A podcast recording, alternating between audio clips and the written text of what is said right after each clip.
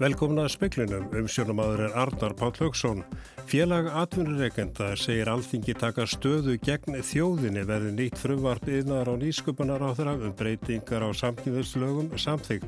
Óana er meðal stjórnalið á þinginu vegna málsins. Sjötti læknirinn sagður störfum á Reykjalundi í gæri heilbriðis yfir völdu krefja stjórnstofnarinnar skrifilegra svara vegna ástandsins. Talmennafræðinguru segir fjöldastarsmanna íhuga uppsögn. Appilsínugul viðvörun hefur verið gefin út vegna, vegna veðus á Suðaustulandi, spáðið norðan 18 til 25 metrum á sekundum og hviðum jafnvel yfir 50 metra.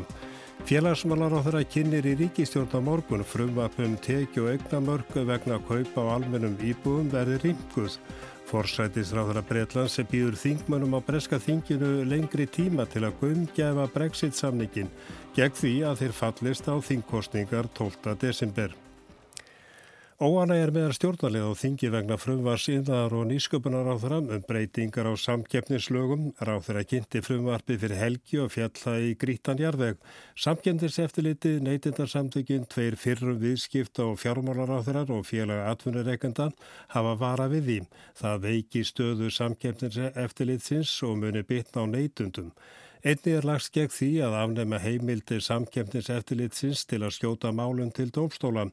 Félag atvinnureikenda gengur svo langt í umsögn sinnum fremvarpið að segja alþingi gengi með þessu erinda stórfyrirtækja sem vilja komast hjá afliðingum samkemtnis brota sinna. Því tæki þingi afstöðu gegn þjóðinni í þessu máli. Sangvað teimildum fréttastofu leggst frumvarfi ekki vel í þingmenn vinstir í grætnu og framsóknar. Það hafi ekki fyrðu og gangi mjög lengri en þörr sé á. Kolbjörn Óttarsson Proppi, þingmaður Vafgi, segir þá ábyrð ráþurann að ná sáttu um málið. Ég held að þær samræður verði djúpar og, og langar ef að frumarbi verður óbreytt svona en, en það er þá næsta verkefnið að kemur á samlarskott að, að, þetta hætti að vera draug þessa tildeknar á þeirra og verði uh, frumarb ríkistjórnarinnar og til þess að fram að því er tölvört verk og. Það segir Kolbeinn Óttarsson Proppi og nánari fjallavöndamáli kvöld fyrir um klukkan 7. Sjötti læknirinn, yfirlæknir Taugasvið, sagði upp störfum á Reykjalundi í gæra á þriðdagsmorgun, sendu ennbætti landlæknis og sjúkrættryggingar stjórn Reykjalundar formlegt bref þar sem Óska var eftir svörum um áframhaldandi starfsemi. Meðal annars var spust hversu margi starfsmenn hafi sagt upp síðan í haust, hversu margi séu eftir, hvort þjónustan hafi skerst og hvernig stjórnin ætla að tryggja stöðut umhverfi á stofnunni.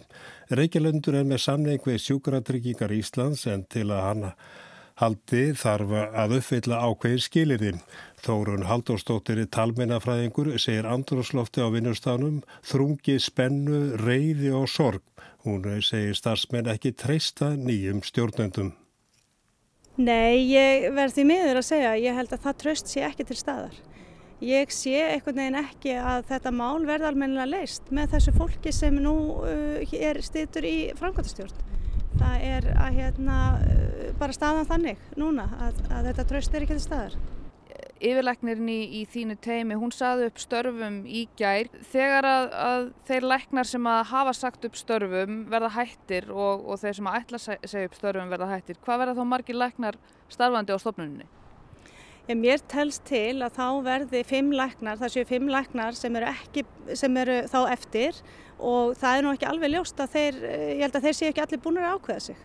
Þannig að þetta er óljóst eins og er. Saði Þórun Halldórsdóttir í vitali við Sunnu Valgeradóttur. Það er spáð áfram með kvassri norðanátt og snjókoma á norður og austurlandi. Þar er gul viðvörun, hins vegar er appilsínu gul viðvörun á suðausturlandi.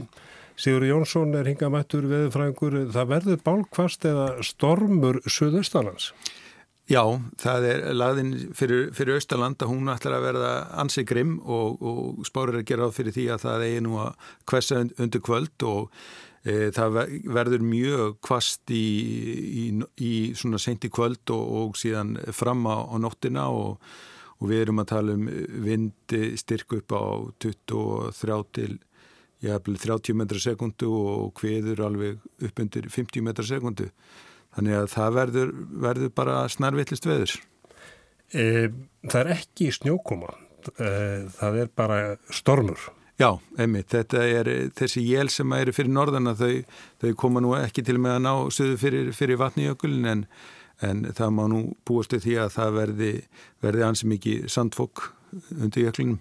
Þannig að hættan er sandfók og reynlega bara bílar fjúki eða eitthvað fjúkast af. Já, það verði að geta allavega orðið, orðið mjög hættulegar aðstæður hann í, í, í kvöld, kvöld og nótt. Sjáum hvernig þessu framvindur þakka þér. Og við þetta má bæti að þjóðvi eitt á þessum slóðum var loka núna klukkan 6 á milli núfstæðar og hafnar í hornafyrði.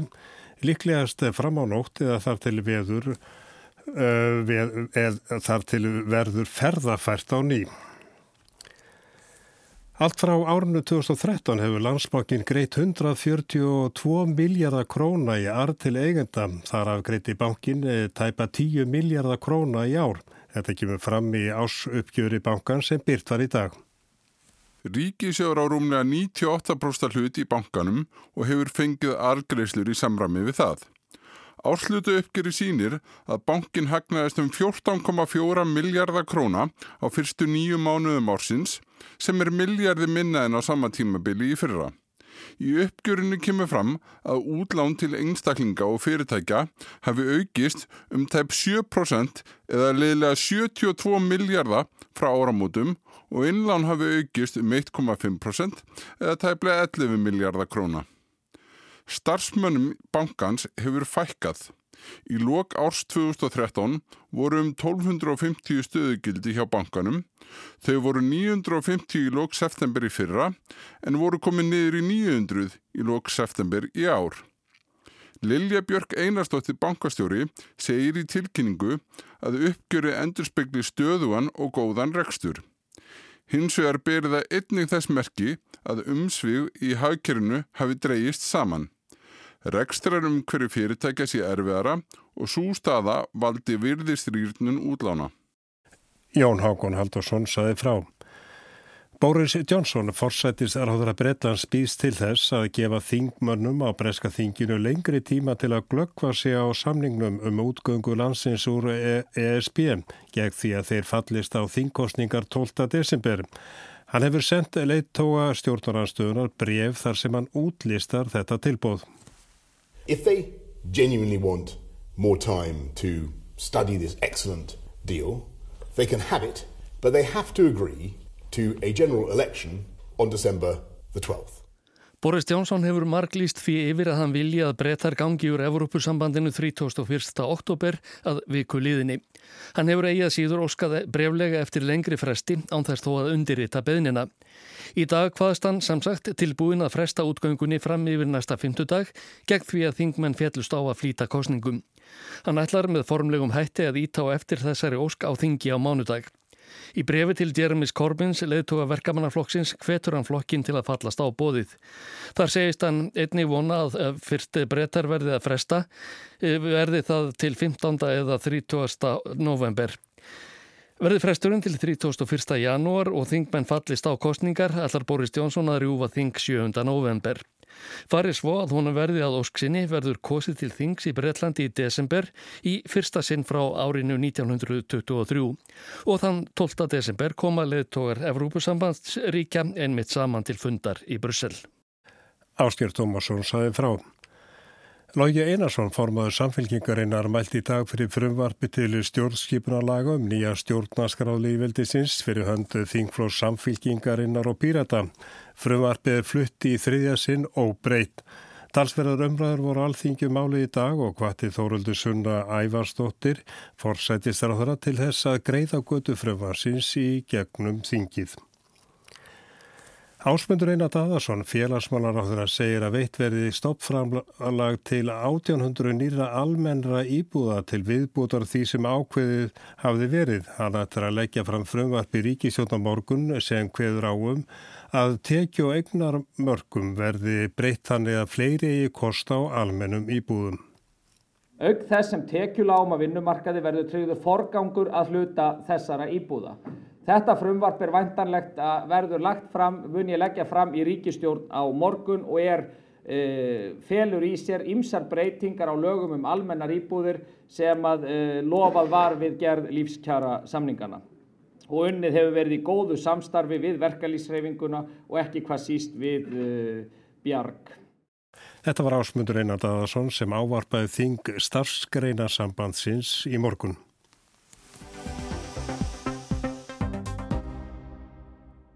Úrsula von der Leyen er næsti fórseti framkvæmtastjórnar Evrópusambansins vill ráðast í aðgeri til að bæta kjörur láluna fólks í Evrópum. Hún hefur viðrað hugmyndur um að lámaslaun verði innleit með tilskipun. Kristján Bragarsson segir að launamönurinn sé mikill viða í Suðaustur Evrópu séu tímalun undir tveimur evrum á sama tíma og greittar séu 12 til 18 evrur í löndum í Vestur Evrópum. Kristján Bragarsson hefur síðastliðin sex ár haft aðsetur í Kaupmannahöfn og starfa sem framkvæmdastjóri samtaka launafólks, hótela og gistihúsa á Norrlöndunum. Í næsta mánuði tekur hann við framkvæmdastjóra stöðu hjá EFFAT, Evróskum samtökum launafólks í matvæla, landbúnar og ferðarþjónustu greinum. Félagsmenn eru 1,5 miljón í 115 aðildarfélugum í 38 löndum í Evrópum. Hann flutti erindi á þingi starfskrinarsambands Íslands sem hósti morgun um stöðu kjaramálan á Norðurlöndunum og í Evrópum. Hann saði frá hugmyndum tilvanandi fórseta framkvæmtastjórnar Evrópusambandsins Úrsulu von der Leyen um að innleiða meðal annars með tilskipun lámaslun. Hún upplýst í stefnuræði sinni í september að hún ætlaði í aðgeri til að bæta kjör lánunarfólks á fyrstu hundra starfstögun sínum annarkort með því að ráða því að styrkja kjærasamninga í þeim löndum þar sem kjærasamningerð hefur átt mjög erfitt uppdráttar eða að ganga svo langt að uh, setja fram tilskipun sem myndi ákvarða lámaslaun í Evrópu, ekki svo að við erum að tala um ein lámaslaun fyrir alla Evrópu, heldur er þetta lámaslaun í hverju landi fyrir sig, hugsalega væri verið að tala um að einhverju lönd gætu verið fyrir utan það, til dæmis eins og Norðurlöndin sem eru ekki með lámaslaun í dag, en í þeim löndum þar sem eru lámaslaun til staðar í dag, að þá myndu lámaslaun ákvarðast sem 60% meðallali eða miðgildi þeirra launa sem eru í gildi í því landi. Kristján segir að ástæða fyrir þessum hugmyndum sé engum svo að mikill ójöfnur sé nú bæði innan einstakra landa og milli landa. Þetta hefur leitt til óanægu með Evrópussambandið. Fólk eh, hefur ekki efna á því að framfara sér og fjölskyldum sínum og, og, og völd fyrirtækja og hagnar þeirra hefur aukist mikið. Markmiðið er einfallega að reyna að lifta lífskjörum stór hóps uh, einstaklinga í almenning, almennings í Evrópusambandinu upp með þessum aðgerðum og skapa þannig meiri sátt um Evrópusambandi til framtíðar. Kristján bendir á að í mörgu löndum í Suðaustur Evrópu séu greiti mjög lág laun, Búlgari, Rúmeni og fleiri löndum. Þau er að greiða eh, fólki lámaslaun sem eru kannski á bylunu 1,5 til 2 efrur á tíman og á meðan lönd eins og eh, Þískaland, Belgia, Norðurlöndin að þar eru laun fyrir sambarileg störf eh, á bylinu 12 til 18 efrur á tíman. Þau laun drægi að vinnuafla frá lálunasvæðunum um leið skapist ákveðin órói í þeim löndum þar sem launin eru há. Og það leiði til félagsfæra undirbúða vegna þess að margir af þessu einstaklingum sem fara frá þá löndum sem hafa mjög lág laun að þeir eru tilbúin að vinna á launum undir þeim lámaskjörum sem gilda í, í, í, í betur stöttum uh, ríkjum. Hann segir að með vantarlegum aðgjörum með spés ég verið að reyna að minga launamunn millir austurs og vesturs og söðurs og norðurs í Evrópum. Verkalýsreifingin fagnir þessum hugmyndum, mikilvægt sé að Evrópusambandið viðurkenna nöysilegt sé að hækka laun þeirra lagslaunuðum. Ágreiningur sé hins verum hvaða leiðir eigi að fara. Norðurlöndin og fleiri lönd hafi efasöndir um tilskipunum lámaslaun, það er ekki við um lönd þar sem verkalýsreifingin er öllu og kjaramál í lægi. Það gefi Európusambandur ofmikið vald til að ákvara lámaslun í þessum löndum. Og þetta er eitthvað sem að menn hræðast og vilja komið veg fyrir en á sama tíma að þá sjá lönd í Austur-Európu enga leið út úr þeirra uh, lálauna uh, pólitík án þess að fá slíka uh, tilskipun og þar að lendi er ákveðin tókstreita á milli austurs og norðurs í augnablikinu innan verkefnarsyngan í Evropu. Brota starfsemi á vinnumarkaði reytt er að mála sem eru rætt á þingi starfsgreina sambandsins ásmundur Einar Daðarsson félagsmálar á þeirra sagði á þinginum að nú varu til drög að samvinnu vinnumálastofnunar vinnu eftirlitsins skatta yfirvalda og lauruglu um hvernig þessar stofnanir geti eftirlit með þessari brotastarfsemi. Kristján sem starfar að réttindabaróttu fólks sem starfar í hótel og veitingahúsageranum segir að söm fyrirtæki líta fólk sem neistlu vöru. Ástandi í þessum geira er mjög slæmt. Eh, í, í samabörði við hefðbundin innastörf að, að þá er mjög algengt að eh, fyrirtæki í hótel og veitingageranum að þau eh, bjóðu upp á mjög slæm starfskjör, óreglulega vinnutíma, hlutastörf uh, og lálaun.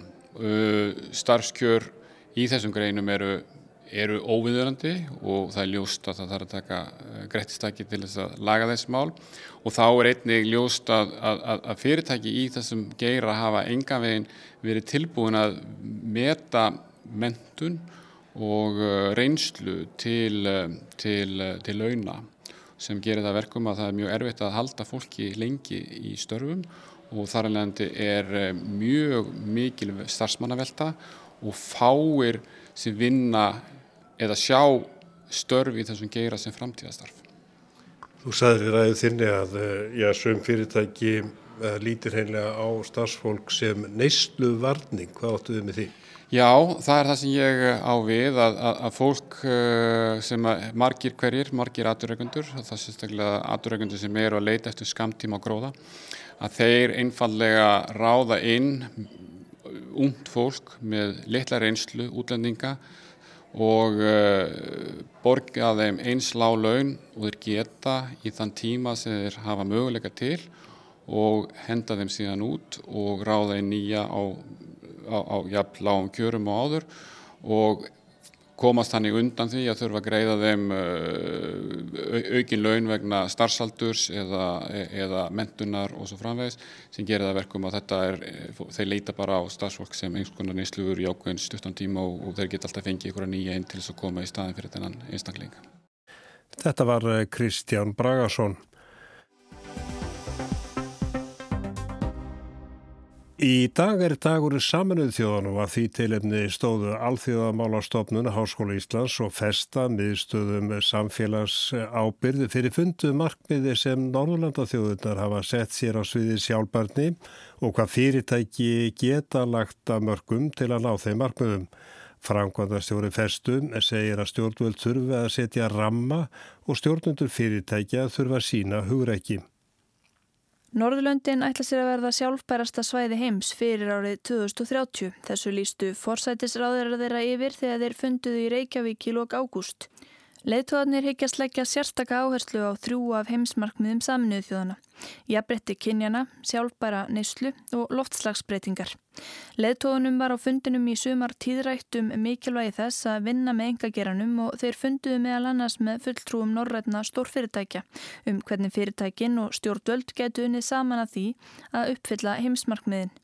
Ríkin stefna öll að kólefnis hlutleysi á næstu 15 til 20 árum.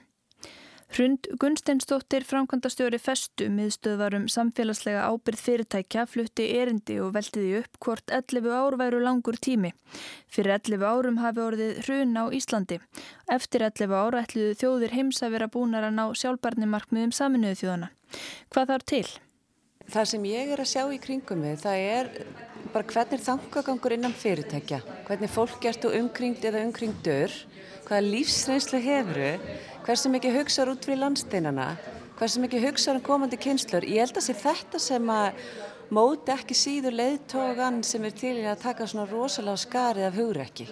Svo er þetta alltaf rekstrarpælingar en þau dæmi sem að, veist, ég er til dæmis með í huga og þau eru bara vísfæður á heiminum, þetta lýsir einhverjum gríðarlega sterk, þú fær svona, tekur svona afgerandi afstöðu og þú fær stundum á móti stjórninniðinni eða þú þarfst drosa mikið að samþykja hérna, sannfara stjórnina þína eða, eða hvað það er, fjárfesta að það er ofta einhver gríðarlega sterkur ásetningur sem kemur innanfrá og tengist einstaklingnum sjálfum. Það er oft þannig Þú talaði líka um ramma og svona skýr uh, skilabár frá stjórnvöldum. Þarf fleiri bóð og bönn, þarf uh, kvóta á, á, á mengun til dæmis eða losun gróðsaloftegunda? Ég spái því að það sé ekki spurningu hvort heldur hvenar við fáum skattlagningar á kólefnisspor. Svo umræði komin, komin á veg við um heim. Þegar við tölum um bóð og bönn í tengslu við ramma og leiðaljós þá langar mér svolítið um það vegna þess að tökum bara þessi dæmi með kynjakvóta þegar þú skoðar, þegar þú tekur út hvernig fyrirtæki kaup höllum í Evrópu hvernig þau eh, eru með eh, jaft hlutfall eða viðegandi hlutfall kalla á hvernig stjórnum þá fylgjur það alveg eins og flýs við rass laga umhverfi í hverju landi fyrir sig.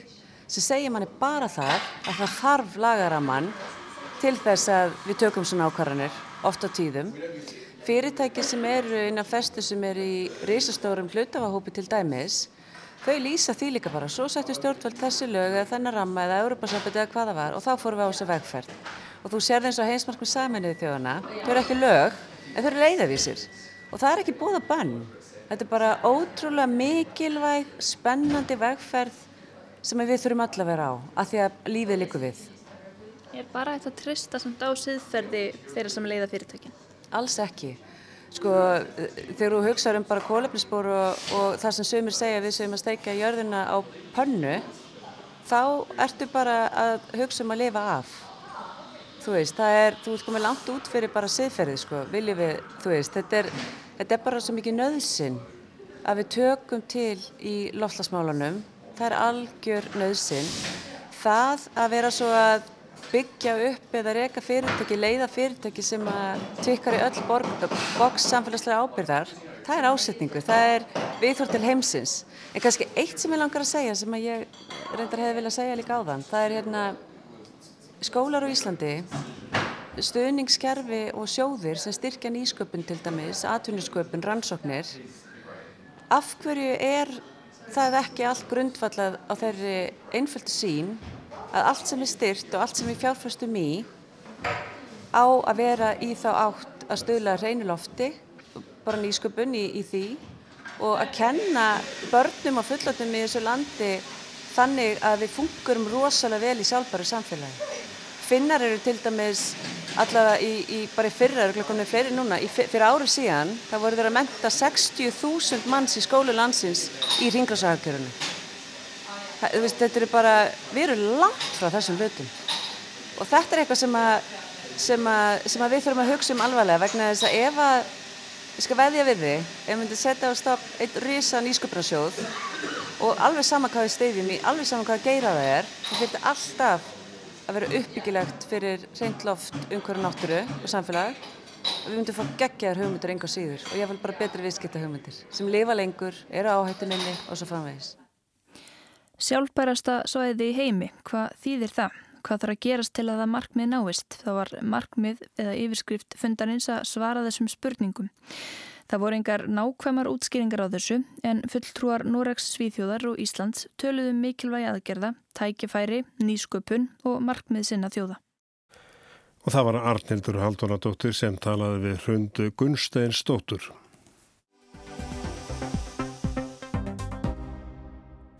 Tíu árur liðin frá því fyrstu erlendu skipin fengi að fara norð-austulegina svokvöldu millir Evrópu og Asju um Ísafið, norðan Sýburi, rúsneskri landhelgi. Það er þriðjungi stýttri leið en að fara með Súes skurðin millir heimsálfa, Ísin er að brána, en hvernig gengur að fá skipafjölu til að nýta sér þessa leið? Áratugur er nú liðin frá því fyrsta flutningaskipið fór norð-austuleiðina svokvölluðu án þess að ísbrjótur ritti því leið í gegnum hafísin.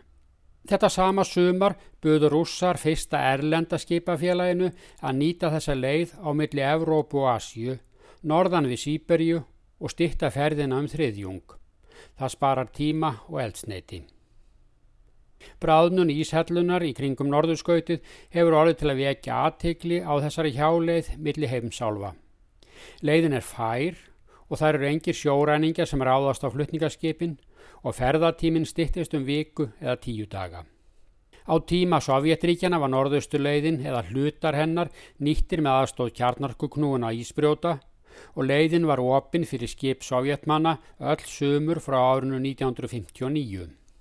En svo hrundu Sovjetrikinn og ferðir hérna fjalluna er niður. Síðar áttu rússar sig á því að þetta gæti verið freistandi siglingaleið fyrir útlendskipafélög um leið og þeir fengju sjálfur fleiri verkefni fyrir hjálparskip sín. Allir grættum. En tíu árum síðar hefur lítið miðað í að vekja áhuga erlendu skipafélagana. Ferðir um norðaustuleiðina eru enn á tilraunastígi.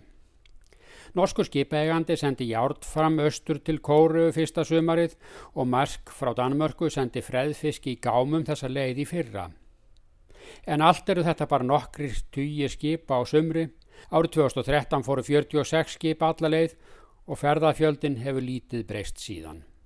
Það er engin örtröð á norðaustu leiðinni þótt ísin sé nú minna vandamál en var þegar sovjetmenn sendu fyrsta ísbrótin alla leið fyrir 60 árum. Eftir sem áður er ísin mikið vandamál og leiðin aðeins færa án aðstóðar fáa daga síðsumars hvað sem síðar verður ef ísþekjan mingar enn. Ein hugmynd er að byggja stórskipahöfn í finnafyrðu austanlands til umskipunar og varningi sem kemur nú um norðaustuleiðina þegar og ef hún verður almennt nýtt.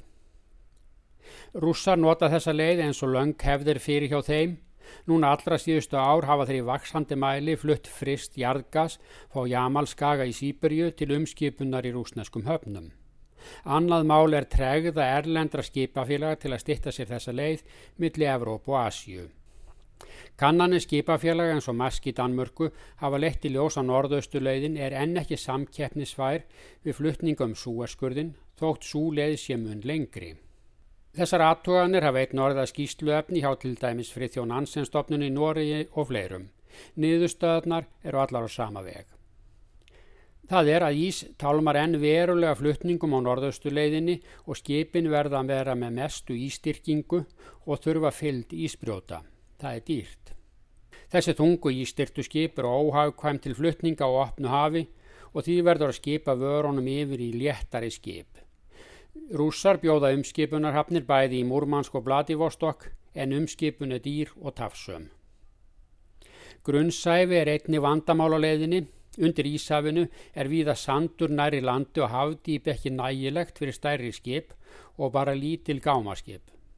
Siglingaleiðin er ekki nú djúb á löngum köplum, sérstaklega á austurluta leiðarinnar.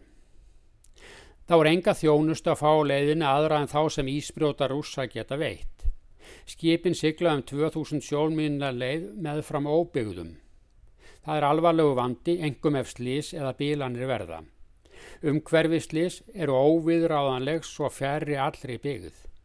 Skipin eru kerða ólíu eða gasi og útblásturinn mengar við hvaima náttúru. Við þetta bætist svo að mestu skiptir að fluttninga séu reglulegir að skipin komi til hafnar á tilsettum tíma áriðum kring.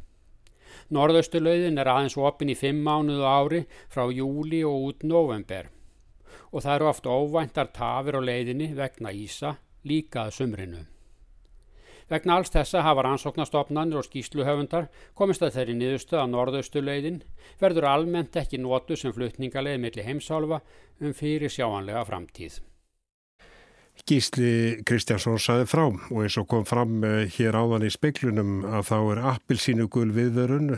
Hún hefur verið gefin út vegna veðurs á Suðausturlandi og það er spáð norðan 18 til 25 metrum á sekundu og jafnvel kvíðum yfir 50 metra á sekundu. Þjóðvegi 1 var loka klukkan 6 áðan á milli núbstaðar og hafnar í Hortnafyrði og verður hann líklegast lokaður fram á nótt og samkvæmt upplýsingum frá vegagerinn er gert ráð fyrir að það hversi enn frekar á svæðinu og sandfók aukist. Löðrögla og björgunarsveitir hafa átt annan saman dag vegna veðurs, sex umferða óhauburð á Akureyri en ekki var tjón á fólki. Bílrúður hafa brotnað vegna sand og grjót fóks á söður og söðausturlandi. Björgunarsveitir á laurugla hafa sint ímsum útköllum vegna fóktjóns en lausamennur, trampbólíni, hjólísi, kerrur, þagblötur og annað hafa fókið. Þá fauk eh, sendiferðarbíl út af þjóðveginum undir Lómagnúbi í morgun. Björgunarsveita fólk hefur þurft að sinna útköllum þar sem bílar hafa lent út af vegi vegna lélir skignis eða færðar. Engan hefur saka vegna óhapana. Taknumari kvöld var Mark Eldredd. Verðið sæl.